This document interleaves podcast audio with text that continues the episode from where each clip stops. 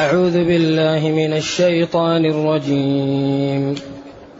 يا أيها الرسول لا يحزنك الذين يسارعون في الكفر من الذين قالوا آمنا.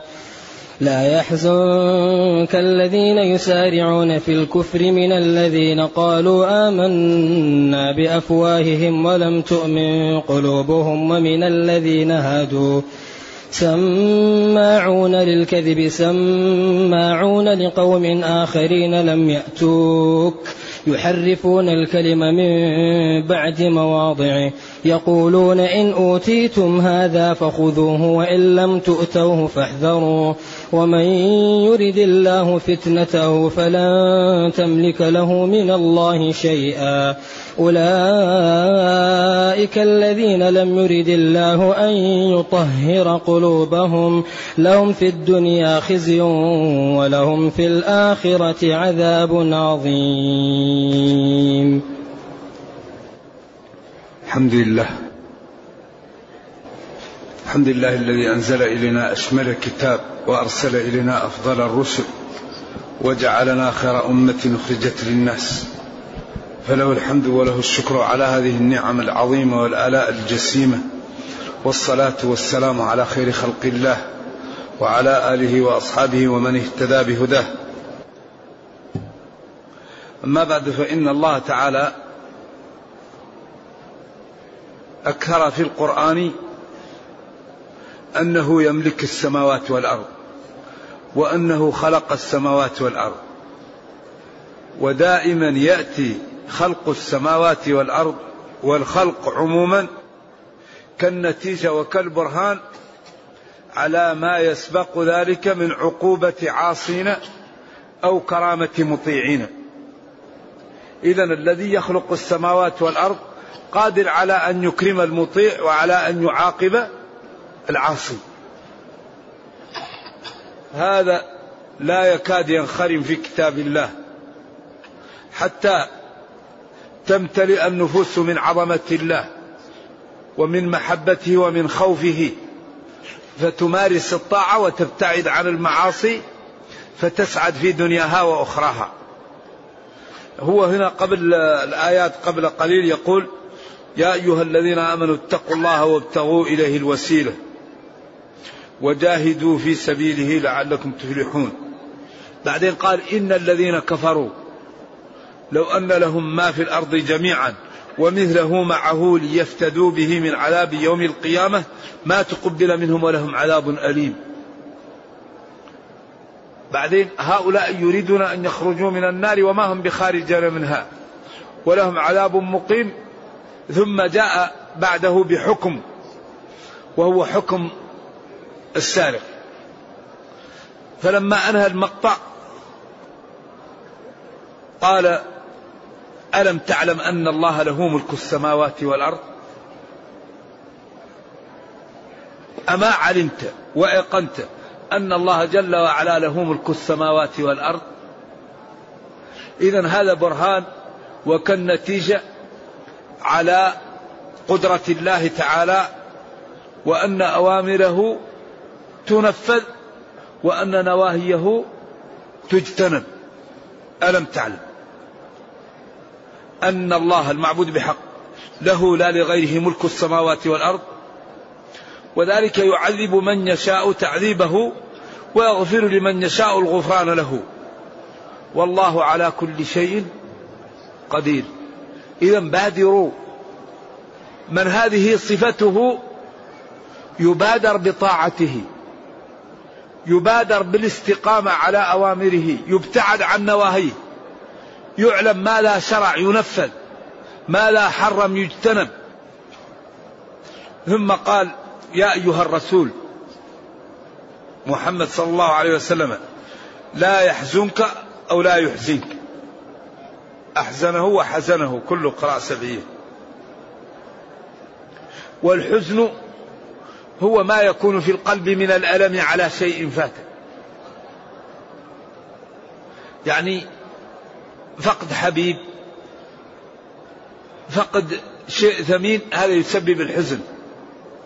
يعني عمل يحصل يسبب ألم في القلب على حصوله.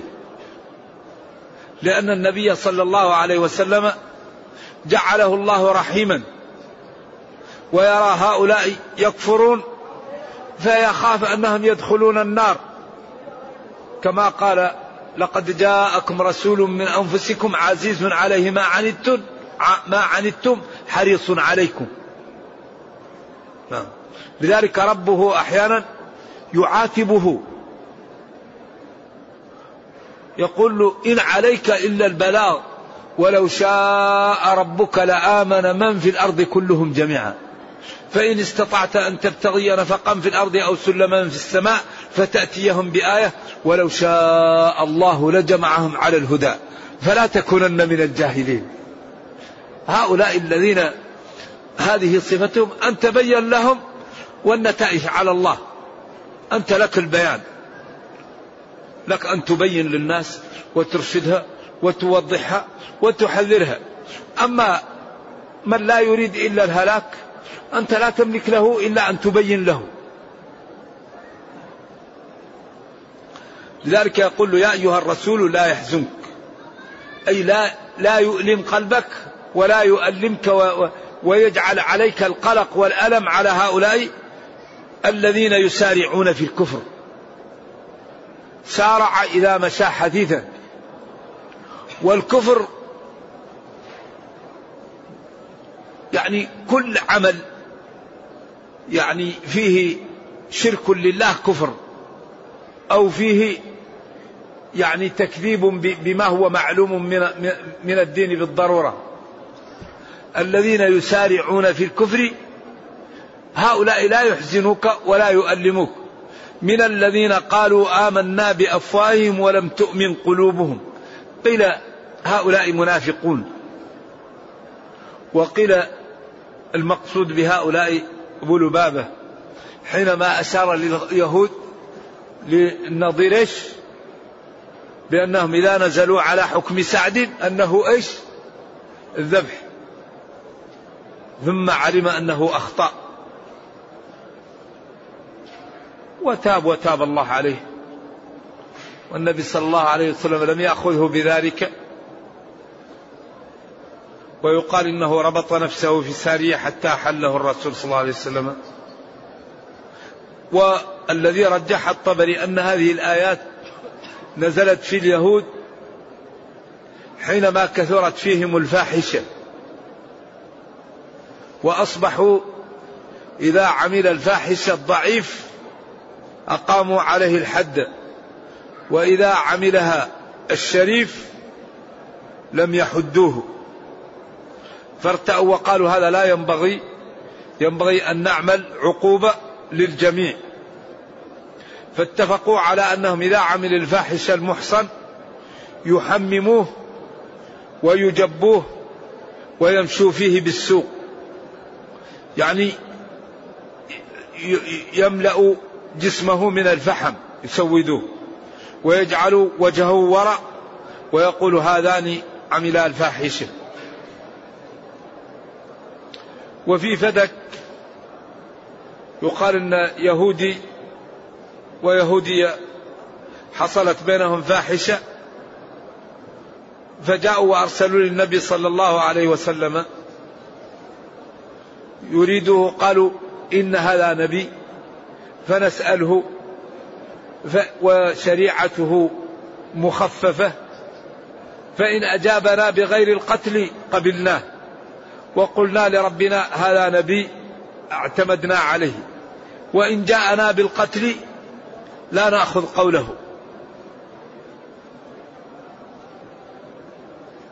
فقالوا ما تجدون في التوراة؟ قالوا نجد التحميم والتشهير وأن يجبى فقال ابن سوريا أو لشاب منهم أناشدك بالذي أنزل التوراة. ما هو حكم الزاني المحصن عندكم؟ فقال ما دمت ناشدتني فحكمه الرجم وفي بعض الروايات أنهم أتوا بالتوراة ولما أتوا بالتوراة أخذ يعني الحبر ووضع أصبعه على محل إيش؟ محل الرجم في التوراة ليخفيه فقال له ارفع أصبعك فإذا هو فيه الحكم بالرجم فأمر بهما ورجما وكان ينحني عليها حتى يعني رجم وحكم بينهم بذلك. نعم. يقول يا أيها الرسول لا يحزنك ولا يقلقك الذين يسارعون في الكفر من الذين قالوا آمنا بأفواههم سواء قيل هذا للمنافقين أو لابن أبي بلتعة أو بهؤلاء الذين طلبوا التحاكم آمنوا بالتوراة بأفواههم ولكنهم لم يعملوا بها. قالوا نحن نتبع التوراة ولم نؤمن بها. وإن كان السياق يشبه سياق المنافقين. ومن الذين هادوا. ولا يحزنك الذين هادوا. و و و أو ومن الذين هادوا جماعة سماعون للكذب سماعون لقوم آخرين لم يأتوك. هؤلاء اليهود كما ذكرنا يعني فظائعهم وإجرامهم وإفسادهم ملأ الدنيا من زمن بعيد ولم يزل اليهود يتمادون في هذا الغي وفي هذا الطغيان. يعني الله يعني جعل لهم يعني ابتلاء سيطرة وتخطيط ومكر. فلذلك إذا نظرت لأي فساد أو أي قضية في العالم تجد أن سببها اليهود. الشيوعية من أتى بها؟ الرأسمالية من أتى بها؟ الروتاري من أتى بها؟ النوادي الفساد من أتى به؟ من نشر الرذيلة في العالم؟ من نشر الربا؟ من يتتبع؟ الذين لا يريدون ما يفعلون الذين لا يريدون ما يفعلون يتتبعهم بالتنكيل بهم. إذا هم هؤلاء اليهود لا يحزنك الذين يسارعون في الكفر. من الذين قالوا آمنا بأفواههم ولم تؤمن قلوبهم من المنافقين ولا من الذين قالوا من الذين هادوا هؤلاء سماعون للكذب. يسمعون للكذب سماعون لقوم آخرين لم يأتوك. إذا هذه أوصاف وعيب لليهود الذين كانوا بين ظهراني النبي صلى الله عليه وسلم وهذا مستمر فيهم مستمر في يهود الظلم. مستمر في اليهود الإفساد في الأرض. مستمر في اليهود نقض العهود. مستمر في اليهود الجبن. لا يقاتلونكم جميعا إلا في قرى محصنة ومن وراء جدر. مستمر في, في اليهود الكراهية والفتن بينهم. تحسبهم جميعا وقلوبهم شتى. ولكن الله تعالى أخبر وقوله الحق إنه سيسلط على اليهود من يسومهم سوء العذاب إلى قيام الساعة. وأنهم إذا عادوا إلى الإفساد عاد الرب عليهم بالتنكيل وإن عدتم عدنا. إذا فليطمئن المسلمون أن النصر لهم إن ساروا على ما رسم لهم. أما يهود فإنهم يهود وقاموا بالأسباب الدنيوية والذي يقوم بالسبب يجد النتيجة. لكن هذا السبب إذا لم يكن على الشرع يجد فائدته في الدنيا ولكن لا يجد ثمرته في الآخرة. لأن الله لما خلق الخلق خلقه بقانون المسببات. وهم علموا من ظاهر الحياة الدنيا قيمة المصانع وقيمة الإعداد وقيمة التدريب وقيمة ما لا التخطيط وقيمة البذل للعلم وقيمة البذل للإبداع. فقووا في الدنيا والمسلمون مع إيمانهم وعدم كفرهم لم يأخذوا بالأسباب فضعف المسلمون وقوي الكافرون نتيجة لقوانين التي خلق الله عليها الكون.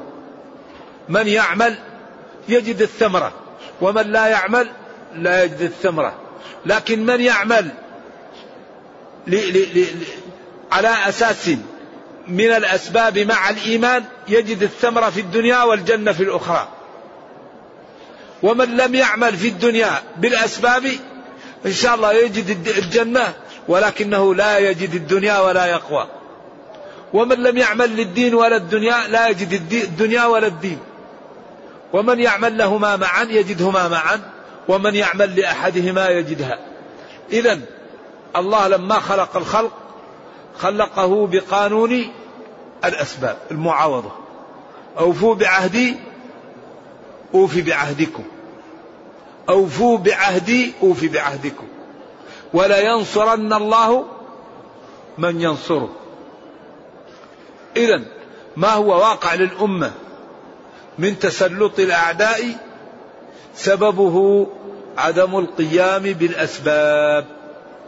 فإذا أردنا أن يرفع ربنا عنا ما نعيشه من الضعف والهوان وتسلط الأعداء وعدم قيام أعدائنا لنا الوزن.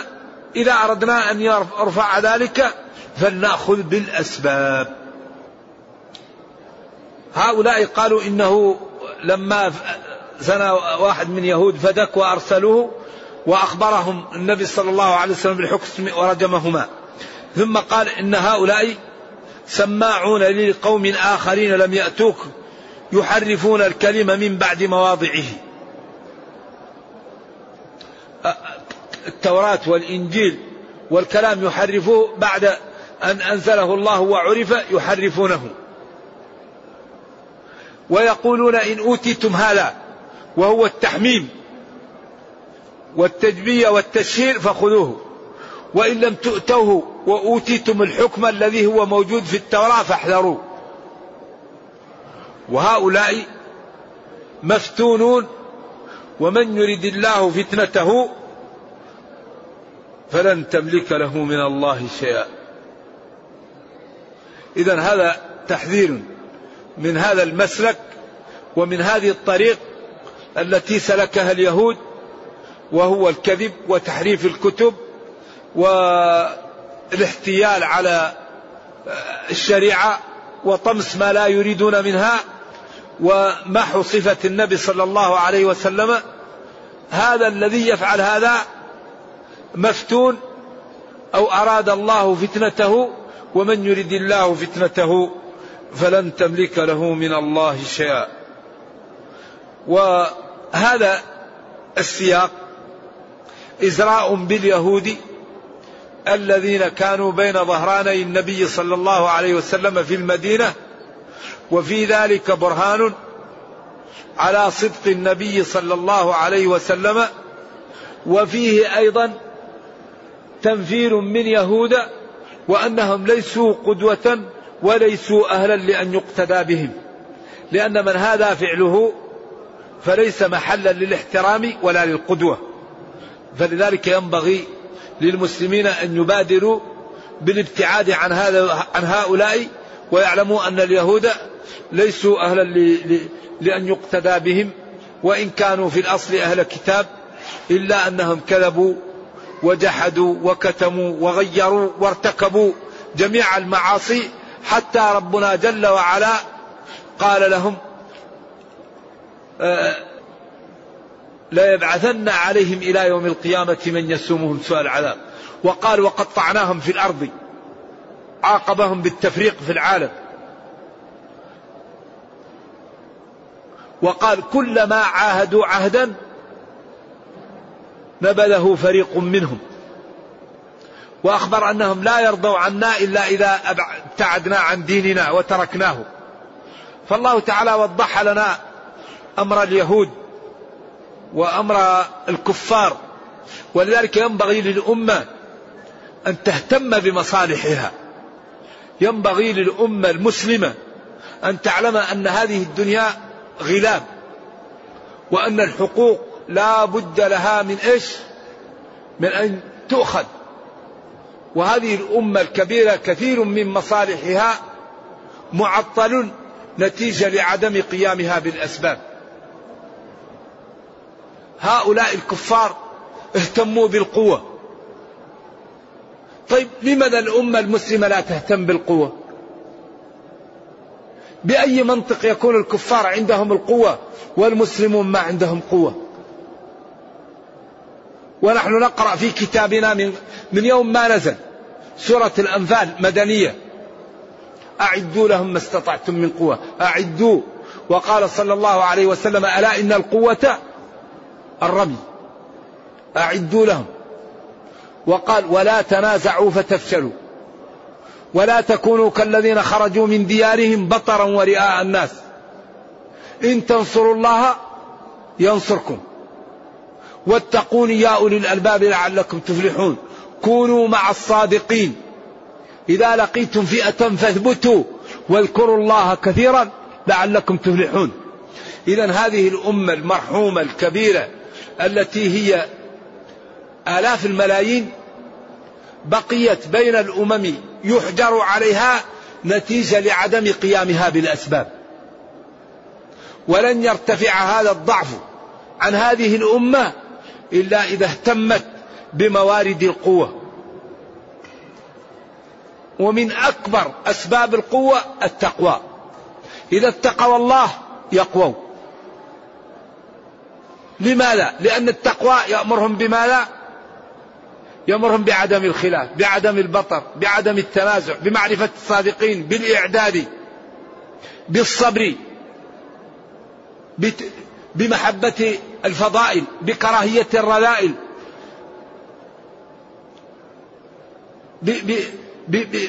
بالاهتمام بإصلاح ذات البين لكن الأمة تعود على الضعف على الخنوع على السكوت لأعدائها يذلوها. مليار وستمائة مليون في المحافل. أمورها الخاصة بها لا تسأل عنها. خصوصياتها يعني يبت فيها ولا تستشار فيها. بأي حق تكون مليار وستمائة مليون في المحافل لا تستشار في أمورها؟ ما السبب في ذلك؟ أكبر سبب في ذلك زهد الأمة المسلمة في العلم. زهد الأمة المسلمة في العقول. زهد الأمة المسلمة في النظام. زهد الأمة المسلمة في الاستشارة. زهد الأمة المسلمة في الإبداع. زهد الأمة المسلمة في المؤسسات. إذا أمة زهدت في موارد القوة. وفي موارد العزة. إيش تكون النتيجة؟ تكون النتيجة ضعف وتسلط الأعداء. إذا لا يمكن يزول هذا عنا إلا إذا اهتمنا بالمؤسسات. نهتم بالعقل ونبني العقل بناء سليم. يعود المسلم على أنه لا يقبل الضيم. المسلم لا يظلم. المسلم لا يكذب. المسلم لا يسرق. المسلم لا يزني. المسلم لا يرابي لكن المسلم لا يقبل الضيم. لا يقبل الذل لا يقبل الإهانة. نهتم بالإعداد. وأعدوا. فليحذر الذين يخالفون عن أمره أن تصيبهم فتنة. مليار وستمائة مليون. الآن في غزة. كيف يحصل هذا؟ هل هذا حلم؟ واقع شعب عزل لا ماء ولا مرعى أطفال نساء شيوخ يؤتى بأقوى قوة طيران مجهز بأحدث الأسلحة. بواخر مجهزة بأحدث الأسلحة. دبابات مجهزة بأحدث الأسلحة. ويأتي الشعب عزة المحاصر من كل جهة. ويصب عليه الحمم ولا أحد يتكلم. كيف حصل هذا؟ الطريقة اللي حصل بها هذا كيف يحصل؟ حصل بجزئيات تراكمات تراكمات كثيرة. هؤلاء يخططوا قبل مية وعشرين سنة كيف نقضي على الإسلام. كيف نقضي على الإسلام. أول ما عملوا جمعوا العقول جمعوا الأموال بنوا المدارس. للإجابة على هذا السؤال كيف نقضي على الإسلام؟ أول عملية عملوها ألغوا القبة التي كانت على المسلمين التي تسمى الخلافة وسموها استعمار. ثم أتوا بدل الإسلام بالقومية القوميات القومية الطورانية القومية العربية القومية الزنجية القومية التركية. أتوا بالقوميات. ثم فصلوا الدين عن الدولة. أصبح من يقرأ الدين من البيت للمسجد للقبر ما له علاقة بالدنيا. والذي يقرأ الدنيا لا يفهم شيء في الدين.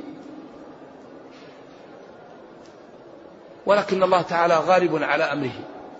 أصبح أغلب الدعاة الجادين الذين ذهبوا إلى الغرب ودرسوا فيه وأصبح لا يمكن أن يكون في وظيفة مرموقة في البلاد الإسلامية إلا من ذهب إلى الغرب وسممت أفكاره. الذي لم يذهب لم يدرس في الشرق أو الغرب لا يتسلم منصب عاليا. فالله تعالى هو المدبر الأمر.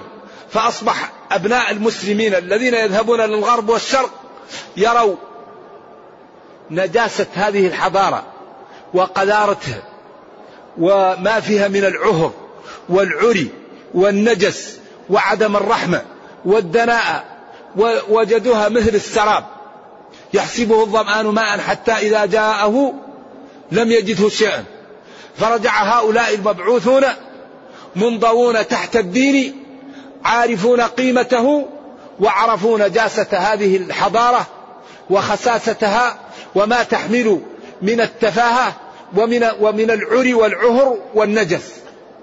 فأصبح هؤلاء هم ينضوون تحت هذا الدين. فلما وجدوا رأوا أن المسلمين يأتون بهذا الدين بدأوا الآن يقطعوا الأوصال. وبدأ الآن أكبر مشكلة عند المسلمين أو في بعض البلدان التدين. أيوة يسمى التدين الإرهاب ويسمى ويسمى الجهاد اعتداء على الآخرين وقتلهم. ويسمى الأمور بغير اسمها وهو الآن في غزة. دولة مسلحة بأعداء سلاح وتدعمها أقوى دولة في العالم. ومع ذلك يقول هؤلاء كيف يكون عندهم صواريخ يردوا بها ويسووا بين الضحية وبين وبين وبين وبين الجلاد هؤلاء محتل أرضهم إذا أخذوا أسلحة بدائية يريدوا أن يردوا بها عن أنفسهم يقول كيف هؤلاء يكون عندهم سلاح؟ كيف ما يكون عندهم سلاح؟ أنتم عندكم سلاح. كيف ما يكون عندهم سلاح؟ كيف ما يكون عندهم طائرات؟ عندهم ما عندكم. لكن هذا الأمر في غاية الخطورة الحقيقة. ونرجو الله جل وعلا أن يرحمنا جميعا وأن يتوب علينا لأن هذا الأمر خطير جدا خطير خطير. يعني شريحة من المسلمين تباد والناس كلها ساكتة. شريحة من المسلمين تباد بمرأى ومسمع. يعني يؤتى ويصور وترى الولد أشلاء المرأة أشلاء الرجل أشلاء البيوت تدمر أمام الناس وكل الجميع ساكت. كيف يحصل هذا؟ والمسلمون عندهم مطمئنات. الغريب الطريقة اللي هؤلاء اليهود يضحون. وهم أجبن الناس وأذل الناس وأخص الناس. والأمة المسلمة لا تقول لليهود لا. لا وألف لا. لا نقبل لك هذا. لكن الأمة المسلمة أول شيء أخطر شيء الزهد في العقول. أخطر ما نواجه زهدنا في العقول. العقول هي اللي تبدع. العقول هي اللي تأتي بالطائرة. العقول هي التي تصنع الصاروخ. العقول هي التي تصنع القنبلة. العقول هي التي تخطط وتأتي بالكمبيوتر وبالحسابات. العقول هي التي تأتي بكل شيء وتأتي بالمال والاقتصاد. إذا أمة تزهد في العقول إيش النتيجة؟ الضعف. إذا أكبر مشكلة نواجهها الزهد في العقول. ضف على ذلك نزهد في الاستشارة. ما ما ما نعمل استشارات. أهم ما يقوي الأمم الاستشارة. الاهتمام بالاستشارة الاهتمام بالشورى الاهتمام بال... بالإبداع الاهتمام بالمحافظة على على المصالح الكبرى الدين النفس المال العرض. الكليات الستة هذه الحفاظ عليها مهم. الكفار لا يؤمنون. الكفار لا يؤمنون. اليوم عندهم صالح فيك بكرة ما عندهم صالح يذبحوه. الكافر لا يؤمن. مهما عملت معه من معاهدات ومن مصالحات اليوم له مصلحة فيك بكرة ما له مصلحة يذبحك ما هؤلاء الكفار خطيرين. أو والغاية تبرر الوسيلة. ما عندهم قيم. ما عندهم إلا مصلحة. اليوم مصلحة بكرة ما في مصلحة. لذلك حري بالأمة أن تهتم بحماية نفسها. الأمة المسلمة لا بد أن تهتم بحماية نفسها ولا بد أن يكون بين العالم الإسلامي تفاهم وتنازل عن بعض المصالح واتحاد ليقووا ويقولوا لعدوهم لا. لو اتحد المسلمون والله لما استطاع الأعداء أن يفعلوا بهم ما يفعلون ولكن هم يقطعوننا أوصال في الوقت الذي هم إيش؟ يتحدون. والحقيقة أن الأمر في غاية الصعوبة والخطورة وأن الأمة جميعا نرجو الله تعالى أن يتوب علينا آثمة فيما تقوم به لأن المسلمين جميعا قصروا في واجب كفائي والفرض الكفائي إذا لم يقم به البعض أثم الجميع. فذلك لا بد للأمة المسلمة أن تهتم بمؤسساتها وأن تهتم بموارد العز وأن تعلم أن أكبر مشكلة تعيشها الأمة عدم الاهتمام بالقوة. أعدوا لهم ما استطعتم من قوة. ألا إن القوة الرمي. وأخطر ما نواجه الاختلاف. ولا تنازعوا فتفشلوا هذه موارد لا بد أن تبين وأن توضح ولا بد للعقلاء أن يكون بينهم اجتماع ولا بد للتجار أن يكون بينهم اجتماع ولا بد لأصحاب المسؤولية أن يكون بينهم اجتماع. وكيف كيف ننقذ الأمة المسلمة؟ كيف نغير أحوالنا من هذا الضعف وهذا تسلط الأعداء علينا؟ ما الحل؟ ونأتي بالحلول ونأتي بالإبداع. ونأتي بالأمور ونرفق وبإذن الله تعالى إذا قمنا بالأسباب الله سينصرنا كما نصر المسلمين يوم الأحزاب. الله ينصرنا إذا اتقيناه وقمنا بما نستطيع لأن النصر من عند الله وما النصر إلا من عند الله. فإذا قام المسلمون بما يستطيعون واتقوا ربهم حتما ينصرهم الله. لا يكلفوا إلا بما يستطيعون ولو عصا ولو حجرا. أنت يا مسلم مكلف بأن تعد لأعدائك ما تستطيع وتستقيم على الدين وأعدوا لهم ما استطعتم. إذا لقيتم فئة فاثبتوا واذكروا الله ولا تنازعوا فتفشلوا. هذا ما وعدنا الله ورسوله وصدق الله ورسوله وما زادهم إلا إيمانا وتسليما. إذا الإيمان والتسليم مع الإعداد والاعتماد على الله والاتكال عليه والأخذ بالأسباب الله ينزل الملائكة وجبريل ويدمر أعداء المسلمين. لكن أخطر ما يعوق الأمة عن النصر الذنوب الذنوب العصيان المخالفة. المخالفة هي التي قوضت الأمة. المخالفة الذنوب هي التي سلطت علينا الأعداء. الذنوب هي التي جعلت القلب لا يستنير الذنوب هي التي جعلت الإنسان يكسل عن العبادة عن الدعاء عن الطاعة عن البكاء عن الخوف عن القيام بالأسباب. الذنوب أكل الربا أكل الغيبة الغش عدم الاهتمام ب ب ب ب ب ب بالواجبات عدم الخوف من المعاصي. هذا هو أكبر ما عوق الأمة المسلمة ولذلك أعداؤنا يعلمون أن من أكبر أسباب ضعفنا بعدنا عن الدين. يعلمون أننا نحن المسلمين لا ننتصر إلا بالدين. إذا هم أهم شيء يبعدون عن الدين. أهم شيء يهيئوا لنا البعد عن الدين. لذلك كم من قناة الآن تدعو للرذيلة. كم من قناة جادة الآن؟ وجدت أخيرا بعض القنوات. لكن هل القنوات الجادة مثل القنوات الهابطة؟ أو مثل بعض. فأخطر شيء القنوات الهابطة النشر الهابط بأنواعه عدم الاهتمام بالطاعة نشر الربا نشر الفساد. هذا الذي يقوض الأمة ويضعفها ويسلط عليها الأعداء. ونحن الآن نقول هذا الكلام لأن كل واحد منا مسؤول عن نفسه. فينبغي لكل واحد منا أن يصلح نفسه؟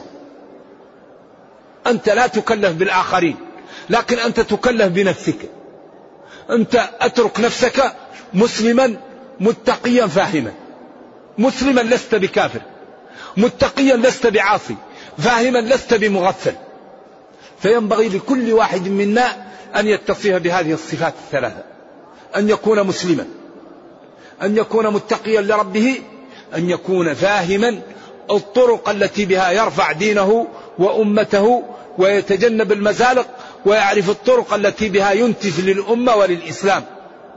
وثقوا تماما أن لو كل واحد منا قام بما يستطيع لتغير حال الأمة. وأصبحت أقوى الأمم. لكن إذا كان كل واحد منا يجعل اللوم على الآخر ما الذي يحصل؟ كل واحد يجعل اللوم على الآخرين الله يهديهم الله يعطيهم ما فعلوا. طيب الله يهديك أنت. أول ما تقوم أنت بما تستطيع. ولذلك لا يكلف الله نفسا إلا وسعها. كل امرئ بما كسب رهين فينبغي لكل واحد منا أن يجتهد في أن يقوم للإسلام والمسلمين بما يستطيع وأن يسدد ويقارب وأن كل واحد أعطاه الله موهبة يعني يستعملها في الرفع من مستوى الإسلام والمسلمين. من أعطاه الله علم ينشره من أعطاه مال يساعد به من أعطاه عقل يؤطر به الناس. وكل واحد يقوم بما يستطيع ونسدد ونقارب. ثقوا تماما أننا لو قمنا بهذا لتغير حالنا.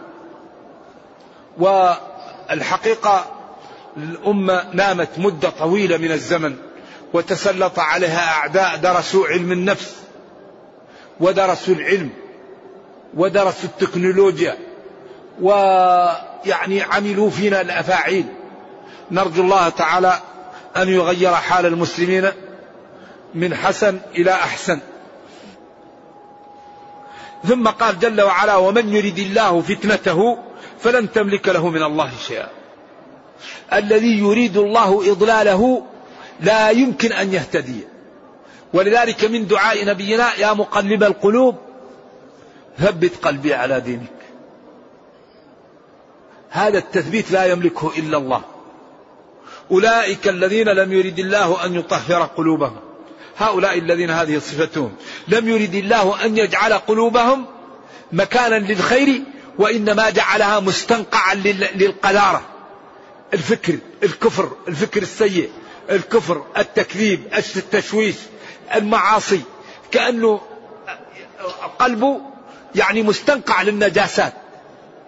بخلاف من فكره طاهر. لا يريد كيف يصلح مسلما؟ كيف يهتدي على يديه إنسان؟ كيف ينقذ مسلم من النار؟ كيف يجلب لمسلم خير؟ كيف ينفق على يتيم؟ كيف يصلح ذات بين؟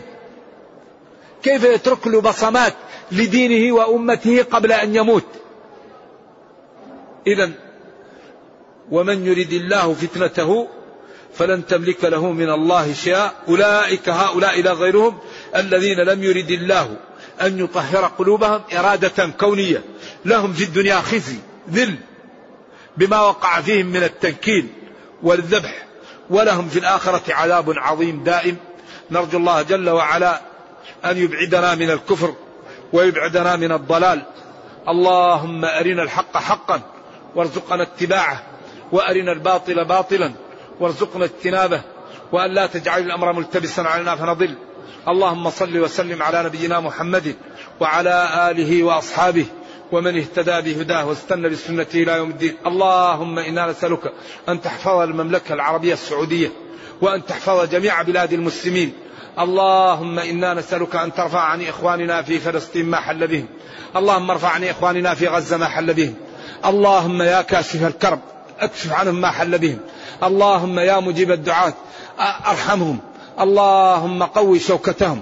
اللهم عليك بيهود ومن شاعهم. اللهم عليك بيهود الغاصبين اللهم عليك باليهود المعتدين اللهم إنهم لا يعجزونك اللهم اجعل بأسهم بينهم شديد اللهم اجعلهم يقتتلون. اللهم اجعلهم يختلفون. اللهم اجعل تدميرهم في تدبيرهم يا حي يا قيوم. اللهم أرنا عجائب عدلك في يهود. اللهم إنهم لا يعجزونك. اللهم إنا نسألك أن تهزم يهود في فلسطين. اللهم اهزمهم. اللهم اجعل الدائرة عليهم. اللهم إنك تعلم ضعفنا. وقلة حيلتنا وهواننا على الناس. أنت ربنا ورب المستضعفين. اللهم إنا نسألك أن تدمر اليهود. اللهم عليك باليهود الغاصبين. اللهم يا ذا الجلال والإكرام عليك باليهود الغاصبين. اللهم إنا نسألك أن ترحم ضعفنا. اللهم ارحم ضعفنا. اللهم تجاوز عن سيئاتنا. اللهم وحد صفوف المسلمين. اللهم وحد صفوف المسلمين. اللهم قوي شوكتهم. اللهم رد عنهم كيد أعدائهم. يا حي يا قيوم نسألك أن تحبب الإسلام للمسلمين أجمعين حكاما ومحكومين رجالا ونساء كبارا وصغارا. اللهم إنا نسألك أن تجعلنا جميعا من المتقين. اللهم اجعلنا من عبادك المتقين. اللهم اغفر لنا ولوالدينا ولأشياخنا ولمن أوصانا بالدعاء ولمن له حق علينا. سبحان ربك رب العزة عما يصفون وسلام على المرسلين والحمد لله رب العالمين. والسلام عليكم ورحمة الله وبركاته.